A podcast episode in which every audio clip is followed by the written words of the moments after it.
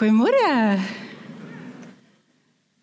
So ek moet net vir julle vooraf um, om verskoning vra vir die klank vanoggend. Julle mag dalk so 'n bietjie van 'n treble hoor, so 'n bietjie van 'n bewerasie. Asseblief, dis nie die klank mense nie, dis ek. Dis my stem en my senuwees. So uh, ek hoop dat dit sal opklaar voordat ek klaar is met my woord vanoggend. Gaan.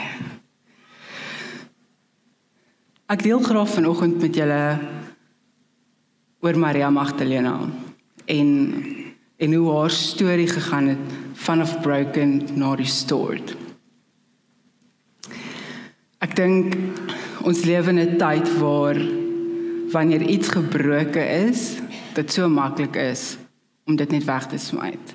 Ek het um so 2 jaar terug 'n toekenning by die werk ontvang en dit was so 'n glasbeeldjie gewees en Man, dit het een skuif van die boekrak gevat vir die glasbeeldjie om af te val en te breek. Daar my hele jaar se harde werk, flenters op die vloer. Toe moet ek die ding nou maar optel en wegsmyt. Dis mos wat ons doen as iets gebroken is. En vir 'n jaar het ek 'n gat in my naal gekry, maar soos in hier waar my naal begin uitgroei, maar net in die middel. So ek kon nie my hele naal net uittrek nie en wegsmyt nie. Dis dan my naal. My naalbed moet beskerm word. En ek het die ding toe nou so probeer myself daarna kyk en ek het probeer om myself hierdie ding te nurse en eventually gesien Maritania, jy gaan jy gaan hulp nodig hê. En 'n vriendin van my is 'n naaltegnikus en oor die laaste paar maande en weke het ek elke 2 of 3 weke dan gaan ek na Lindy toe en dan sy's amazing sy het reg gekry om my naal heeltemal vir my op te bou elke liewe keer tot en met my naal kans gehad het om heeltemal uit te groei en om heeltemal gesond te raak weer. So dit bring my nou terug na gebrokenheid. En hoe brokenis nie altyd 'n slegte ding is nie. Ehm um, daar's 'n paar goed wat eers gebreek moet word voor dit gebruik kan word. Ons het Vrydag aand het uh, het ons youth dive het ons CC Kids gehost vir 'n movie night. En die kinders wat daar was, hulle almal het so 'n lekker glow stick in die hande gekry en elke keer as hulle besig was om te sing of dans tydens lofprys en aanbidding, dan het jy die glow stick so in die rondte sien beweeg. 'n Glow stick is een van daai goed wat eers gebreek moet word voordat hy opgelig sal word wat nog kan gebruik word voor dit gebruik moet word. Um 'n fire extinguisher, daai glaskaste waarin daar 'n fire extinguisher is of 'n byl, daai ding moet eers gebreek word voordat jy by daai ding kan uitkom. 'n Eier moet eers gebreek word voor jy hom kan bak. 'n Perfekte vars, lekker warm glutenvrye broodjie wat in die oond is, moet eers gebreek word voordat hy geëet kan word. Ag, met so lekker bottertjie op. 'n Wolkbreek moet eers plaasvind voordat reën kan val. Nou ek weet dat wanneer ons in 'n seisoen van gebrokenheid is, wanneer dinge so donker is en so donker voel, kan jy jouself nie indink dat daar enigsins iets goed is wat daar vanaf kan kom nie. Dis mos wat gebrokenheid doen. Jy kyk na die skerwe wat rondom jou lê en jy wonder by jouself hoe gaan ek hier deurkom? Is nie 'n manier wat ek al hierdie goed weer aan mekaar gaan kan sit nie. Nou ek dink as daar een persoon in die Bybel is wat gebrokenheid regtig geken en verstaan het is dit Maria Magdalena. Nou wat weet ons van 'n vrou van wie daar net 12 skrifte in die Bybel is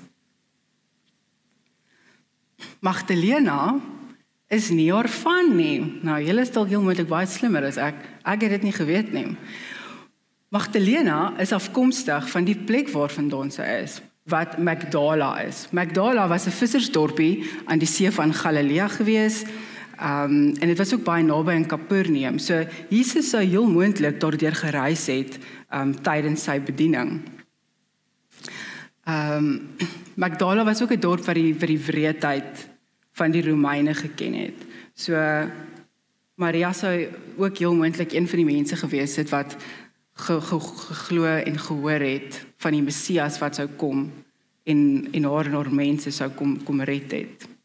Nou ek het gegaan en besluit ek wil nou ook kyk of ek iets soos dit kan doen en ek het gegaan Marita Panorama. Maar Marita Panorama klink nou nie vir my so gesofistikeerd soos Mary Magdalene nie. Jy kan dit jouself probeer as jy wil. Sy word 12 keer genoem in die woord wat meer is as enige ander disipel. Ehm um, en ook meer is as enige ander vrou behalwe die direkte familie van Jesus. Ons sien in die evangelies van Johannes en Petrus dat hoe meer daarna 'n spesifieke persoon gebruik ag verwys word, hoe meer significant is daardie persoon se verhouding met Jesus, as ook die orde waar daar waarna hulle verwys word. Um daai aan hoe belangrik hulle vir Jesus was. En amper elke liewe keer wanneer die woord praat van die groep vroue rondom Jesus, word Maria Magdalena eerste genoem. So, hoekom is Maria so belangrik? Lukas sê vir ons dat Maria vir Jesus finansiëel ondersteun het. En dit wys ons hoe belangrik sy was vir Jesus se bediening. So ons lees uit Lukas 8 vanaf vers 1 tot 3. So ek gaan hom in Engels lees volgend. The woman who followed Jesus. Soon afterward, Jesus began a tour of the nearby towns and villages, preaching and announcing the good news about the kingdom of God. He took his 12 disciples with him, along with some women who had been cured of evil spirits and diseases. Among them were Mary Magdalene, from whom he had cast out seven demons. Joanna, the wife of Chusa, Herod's business manager, Susanna, and many others who were contributing from their own resources to support Jesus and his disciples. Nou in daardie tyd het rabbies nie salarisse verdien nie. Hulle het geleef op die ondersteuning van die gemeenskap wat hulle gedien het en dan nou as ook die bydrae van die student wat onder hom geleer het. So ons sien hierdeur dat Maria iemand was vir wie dit moontlik was om vir Jesus finansiëel te ondersteun. Sy het van 'n welvaart gekom, van 'n geld en sy het nie van 'n sy het nie van hand tot mond geleef nie. En nog iets wat ek graag met julle wil deel oor Maria is dat iewers iewers vir my tussen sonnaarskool en groot word het ek geleer Maria was 'n prostituut. Ehm um, dit is immers nie so nie. Daar is nêrens enige bewyse in die woord of enige historiese bewyse dat dit wel so is nie. En dit is ook baie teenstrydig met wat ons van haar lees in die woord. En as daar een ding is wat ons van dit af kan wegneem, wys dit vir ons hoe maklik dit is om verenselwig te word met iets wat nie die waarheid is nie. Om hierdie klad op jou naam te kry wat onverdiend is.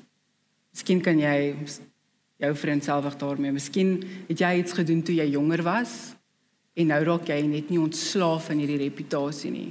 Of dalk was daar 'n rumor van jou gewees, 'n onware een wat mense tot vandag toe nog glo. En jy kry die ding net nie afgeskit nie. Wat ook al dit is, jou identiteit word nie gevind in dit wat iemand van jou sê nie. Dit word gevind in dit wat Jesus vir jou sê. Jesus kom en hy bring vir ons 'n nuwe lewe. En hy is die een wie jou naam vir jou gee. Nou, een van die primêre redes hoekom ons so baie van Maria se naam lees in die woord is omdat sy een van die min mense is wat teenwoordig was met die opstanding van Jesus as ook die kruisiging van Jesus. Al die evangelies stem saam dat sy by was met Jesus se opstanding. Sy is ook die enigste persoon waarmee al die evangelies saamstem dat sy wel definitief daar was. Ons lees in Johannes dat sy die heel eerste persoon is wat vir Jesus gesien het. En ons lees in Johannes 20 vanaf vers 8 vanaf vers 11 tot 18. Maria het, het by die graf agtergebly en hartseer gehuil. So deur die trane het sy by die graf ingeloer. Daar, Presies op die plek waar die waar die liggaam van Jesus gelê het, het twee hemelse wesens gesit. Hulle het helder wit klere aangetree. Die een het gesit waar Jesus se kop gelê het en die ander een by sy voete. "Vir wat huil jy so?" vra hulle haar. "Hulle het die Here se liggaam hier weggevat en ek weet nou glad nie waarheen hulle hom gevat het nie," sê Maria hartseer. Met die kyk sy om. Daar sien sy iemand staan. Dit was Jesus, maar sy het hom glad nie herken nie.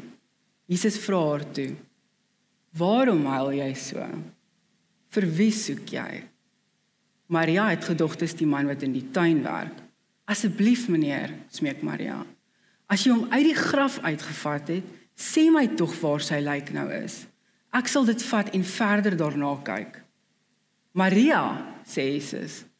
Sy swaai vinnig om. "Rabbi," roep sy uit in Hebreëus. "Moenie my vashou nie," sê Jesus. Ek het nog nie na my vader toe teruggegaan nie. Gaan liewer gou terug na my broers toe. Gaan sê vir hulle, ek gaan terug na my vader en julle vader. Ja, ek is op pad na my God en julle God. Maria Magdalena is toe daar weg na die ander volgelinge van Jesus toe. Ek het die Here nou net lewendig gesien, roep sy uit. Opgewonde vertel sy alles wat Jesus gesê het. Ons sien hier sodat Maria was die sleutelgetuie tot Jesus se opstanding. Nou, hoekom is spesifiek dit so betekenisvol? Dat sy nou die een was wat heel eers gesien het dat Jesus opgestaan het. Dit is baie eenvoudig. Omdat sy 'n vrou was. 'n Vrou se woord in daardie tyd was as niks werd geag. Dit het so min beteken dat die getuie van 'n vrou was so onbetroubaar dat hulle nie eens mag gedien het as 'n wetlike getuie in 'n Joodse hof nie. En wat doen Jesus? Hy kom openbaar homself heel eers aan 'n vrou. So, jy kan jouself nou indink. As jy 'n skrywer of een van die skrywers van die evangelies was, hoekom sou jy jou sleutelgetuie tot Jesus se opstanding die grootste gebeurtenis in ons wêreld. Die rede hoekom ons Christendom het vandag. Hoekom sou jy dit 'n vrou maak as dit nie die waarheid was nie? Veral in 'n tyd waar 'n vrou se woord as dan nou onbetroubaar gesien word. Hoekom sou jy dit doen? Maria het saak gemaak. Sy het die leë graf gesien en as gevolg van haar getuie weet ons vandag van Jesus se opstanding. Was jy al ooit op 'n plek waar jy gevoel het dat wat jy sê nie saak maak nie? Dat jy nie belangrik is nie? Het iemand jou al ooit laat voel dat wat jy sê min van waarde is? Waar iemand jou dalk al klein laat voel het? So ek Ek werk in die mediese veld en ons verkoop produkte. En 'n paar jaar gelede moes ek 'n spesifieke kliënt gaan sien het en wat die kliënt nie op daai stadium geweet het nie is dat ek was die persoon wat die heel meeste ondervinding in hele Suid-Afrika gehad het met hierdie spesifieke ding en ek het al elke worst case scenario teëgekom. Ehm um, en ek gaan toe nou met die kliënt deur die produk en na die tyd Toe kyk hy so vir my en hy sê vir my: "Meisie, hierdie is mos nou nie 'n werk vir 'n vrou nie. Jy moet maar die dinkwerk vir die mans los."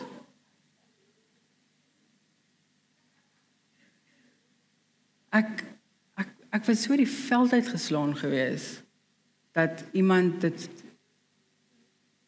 ek ek ek kon dit nie tot vandag toe nog steeds sukkel ek om dit actually te absorbeer.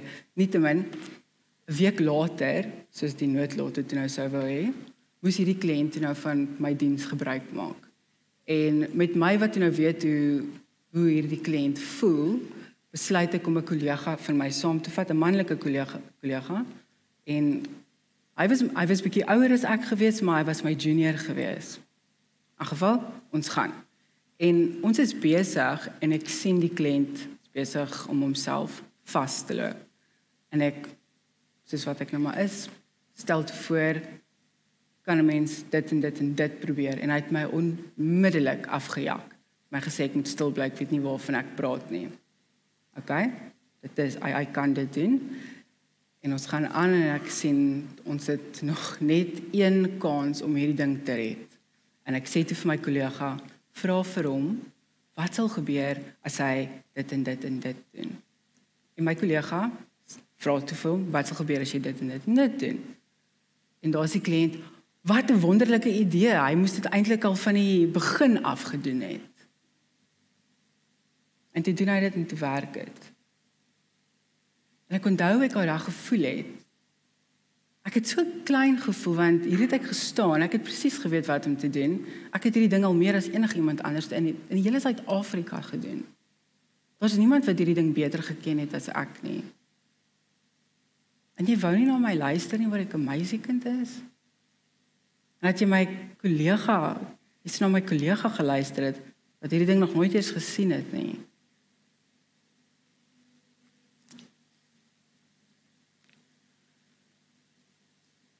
Het jy al in 'n groep mense gestaan en almal het ietsie gesê en jy begin en jy begin 'n storie vertel.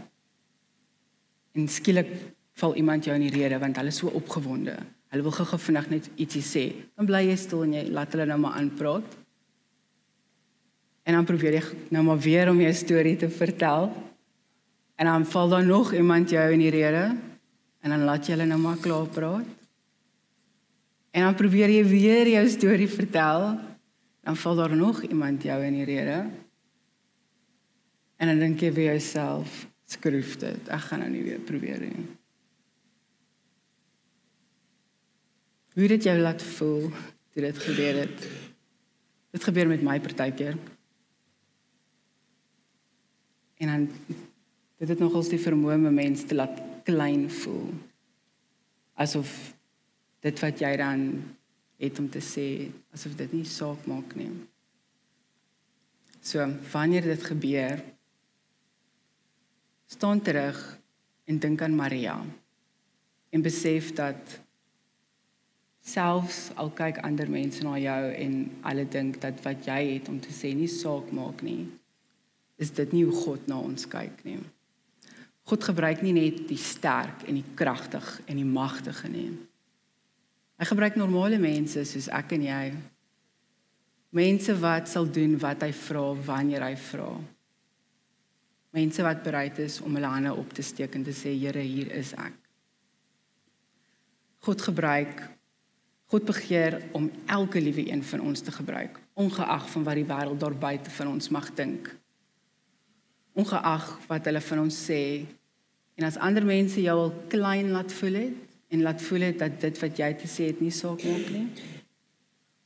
Ons God wil groot dinge deur jou doen. As jy deur iemand gesê is dat jy niks het om vir die wêreld te offer om te, of om te deel nie, wil ek jou herinner dat God vir jou 'n stem gegee het.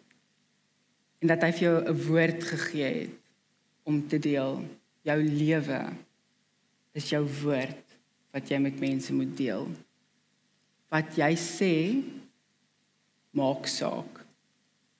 So voordat ons begin het met vroue maand, het Matthys genoem dat hulle gaan vrousprekers gebruik deur die maand van Augustus.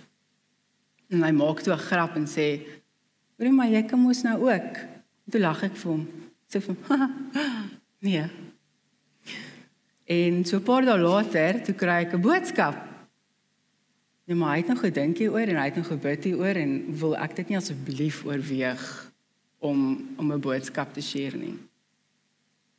Ek het die boodskap so gekyk en gedink as hierdie man heeltemal van sy kop af.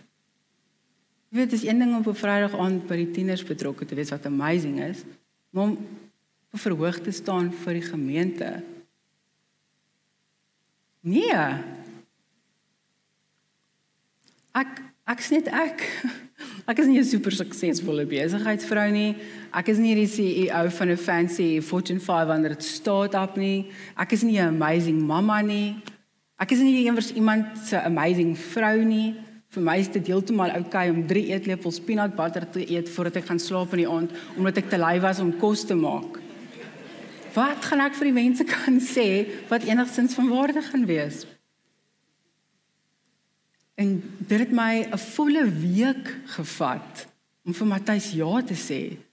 Ek het in daai week so met die Here geworstel wat ek gesê het ek nee, ek kan nie wat En elke keer wanneer ek vir hom wil stuur, Matthys nee, sê die Here vir my. Mm -mm. En dan gaan ek nou maar weer aan en ek gaan nou weer aan. En daar was een oggend en die liedjie daai daai liedjie van Hillsong Spirit lead me where my trust is without borders. Ek sing weer hierdie liedjie terwyl ek ry. En die Here sê vir my, jy sing hierdie liedjie. Jy sê vir my ek moet jou lei na daar waar jou voete waar jy nie jou voete kan sien nie. Jy sê dat jy sal doen wat ek vir jou vra om te doen, maar ek vra net vir jou om hierdie te doen en jy wil dit nie doen nie. En ek besef net daar dat ek is nie besig om soos Maria te wees wat ek moet wat moet gaan vertel wat die Here vir haar gesê het nie. Ek kom ter die sonoggend by die kerk Ek kyk vir my tuis ek sê vir hom ja. En dan net hierdie is baie ver uit my comfort zone uit.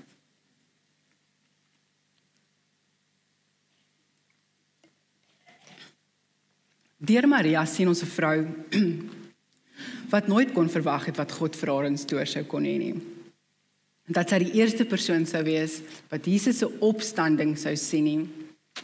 Wat nooit kon weet dat sy die persoon sou wees wat die belangrikste gebeurtenis in ons wêreld sou aanskou nie.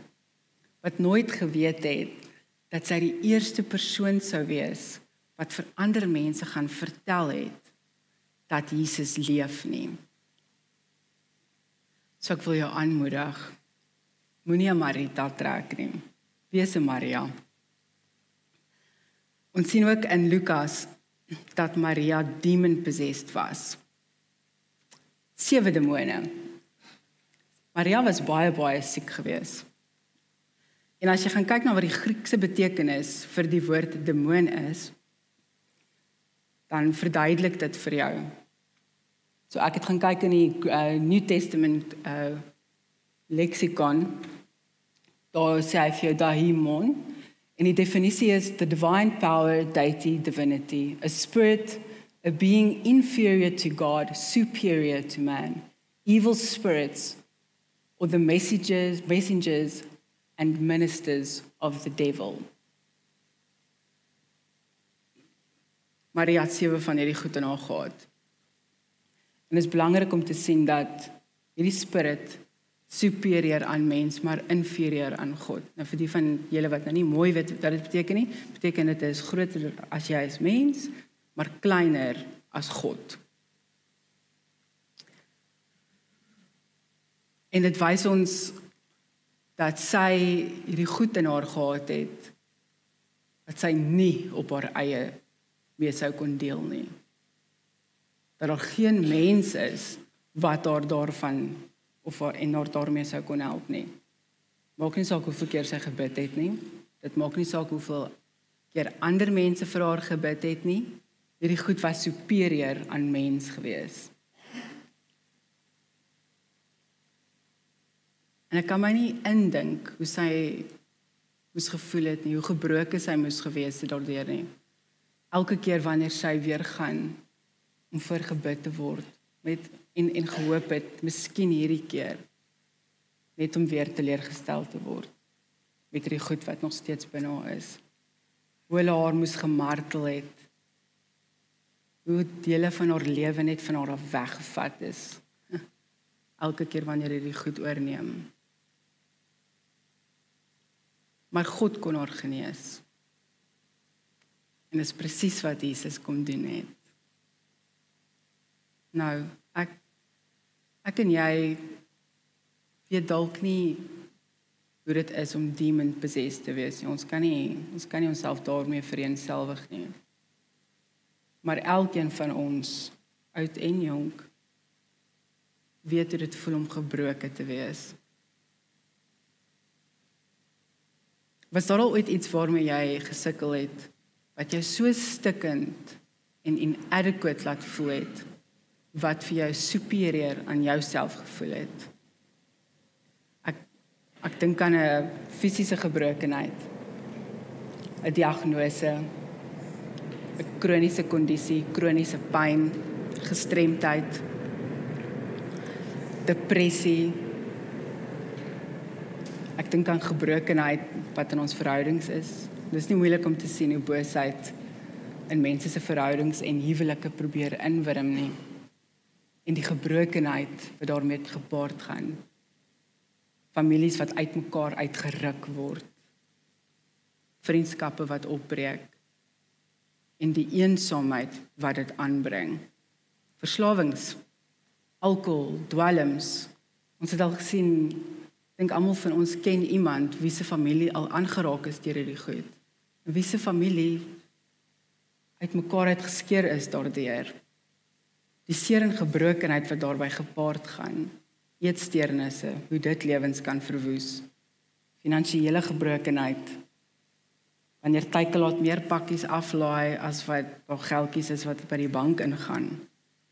Armoede, skuld. Ja, ek weet van skuld wat mense se lewens al opgevoeder het, wat huwelike tot 'n einde gebring het.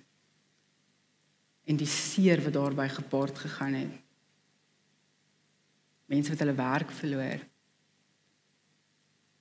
Was jy al so gebroke deur so 'n eksterne situasie?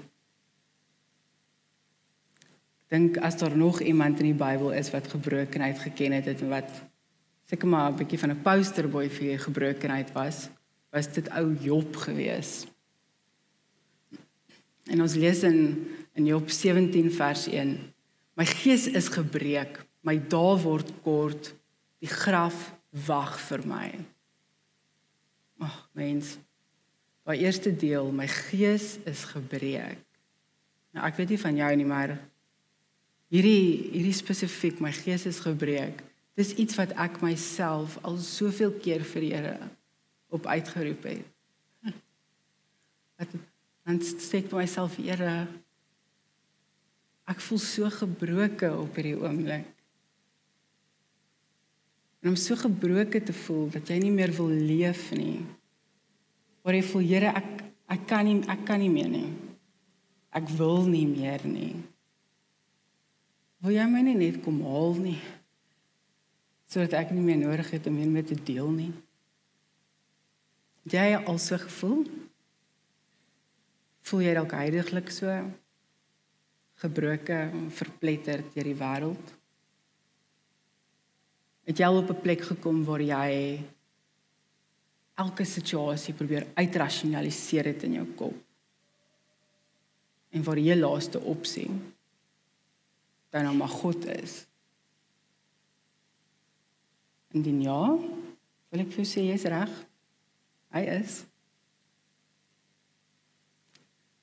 Jou gebrokenheid jou wil face to face met God gebring.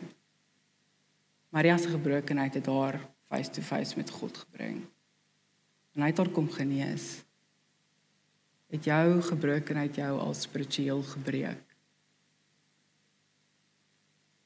Ons as mense reageer in, in een van twee maniere wanneer ons deur hierdie life crushing experiences gaan. Party mense hardloop weg vanaf God. Hulle raak kwaad vir God. Hoe kan jy dit toelaat, Here? Jy is dan God. Hoekom antwoord jy my nie? Hoekom verlos jy my nie uit waardeur ek gaan nie? Luister jy vir my? Waar is jy? Hulle hardloop weg van hom af en hulle stoot hom weg. Ek het dit al gedoen. En dan is daar ander mense. Hulle hardloop na God toe. Here, daar is nêrens anders een vir my om te gaan nie. Jy is die enigste een wat kan vrede bring in hierdie situasie waarin ek nou is. Ek weet nie wat gaan gebeur nie, maar Here, ek vertrou en ek glo dat jy dit sal uitwerk ten goeie. Dit is spirituele gebrokenheid. Miskien sit jy hier vanoggend en jy weet nie meer wat se kant toe nie. Die druk was te veel, het gebreek. En jy hoop dat God jou laaste hoop en antwoord kan wees. En as dit jy is vanoggend, wil ek vir jou sê, hy's reg. Hy is. Die probleem met hierdie tragedies waardeur ons gaan is dat ons kyk na hierdie goed hierdie verbrokkelde huwelik, die gestremdheid, die dwelmverslawing, die diagnose, die afsterf van 'n geliefde. En ons dink dat dit wat daai persoon deurmaak is die tragedie. Dis nie die tragedie nie. Die tragedie is om deur al hierdie klomp gemors te gaan en om nie spiritueel gebroken te word nie, om nie by God uit te kom nie. Dis die regte tragedie. Elke liewe een van ons gaan op een of ander tyd in ons lewens deur iets gaan wat ons lewe herroepelik gaan verander. Dit gaan gebeur, ons lewe in 'n wêreld vol sonde. Spirituele gebrokenheid is veronderstel om te lei na iets goeds, om by God uit te kom sodat hy jou kan genees. Soos wat hy vir Maria genees het.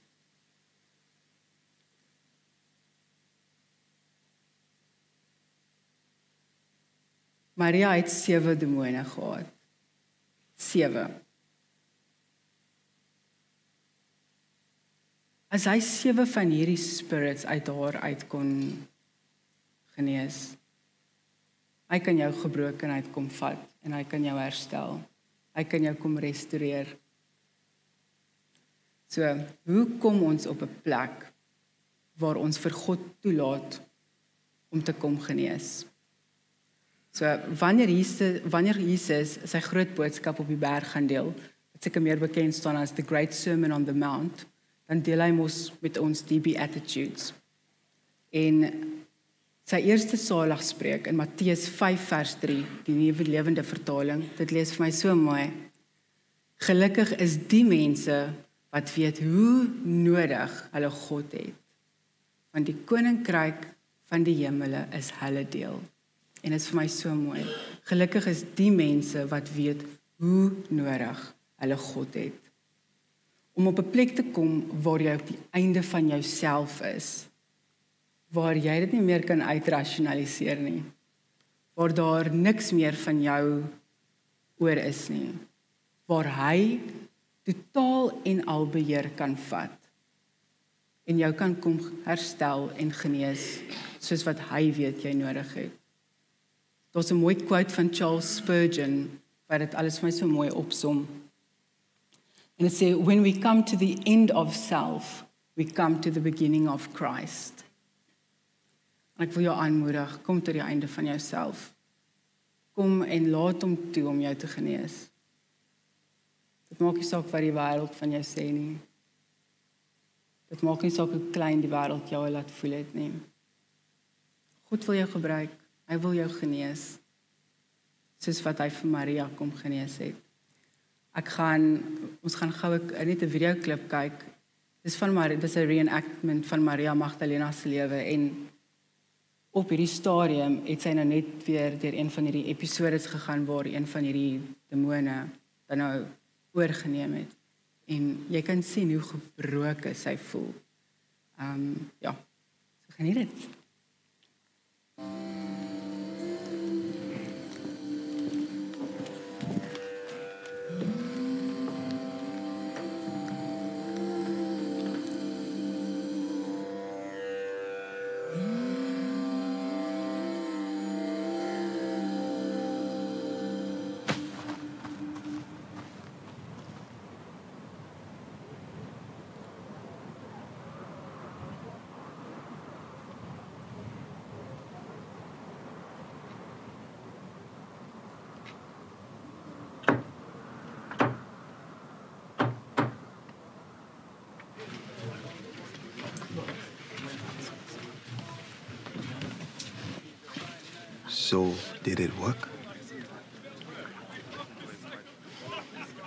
Sorry, Lilith.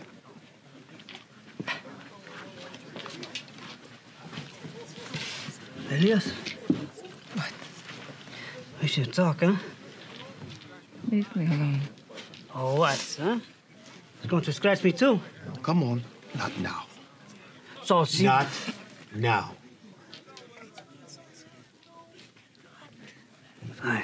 She smells anyway.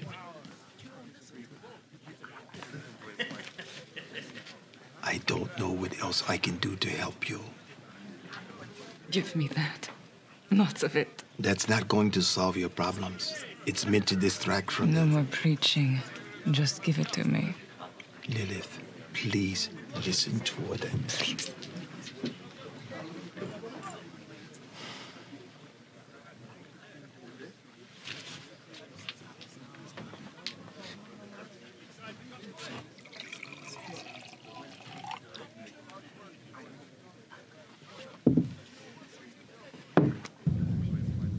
I said.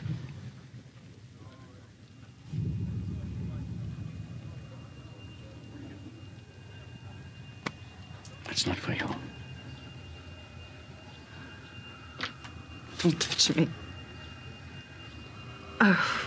Lily. Lily. Lily, are you okay? I. I have to go. Leave me alone.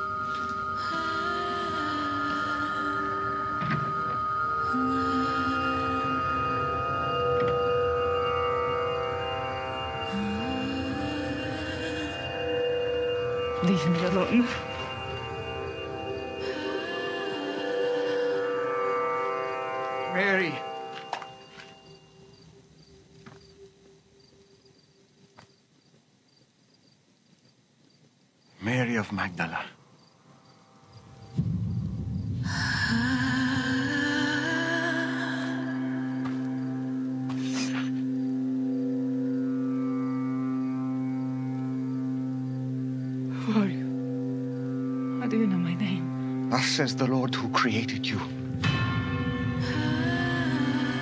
And he who formed you. Fear not. For I have redeemed you. I have called you by name. You are mine.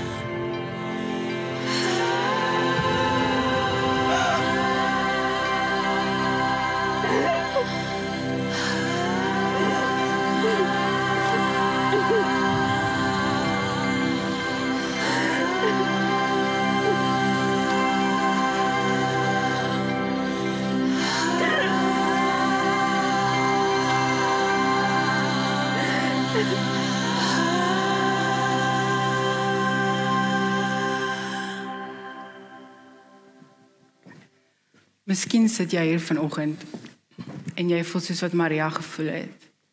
Gebroke, verpletterd. Daar is nie meer 'n ander uitweg vir jou nie. Jy het nou alles probeer.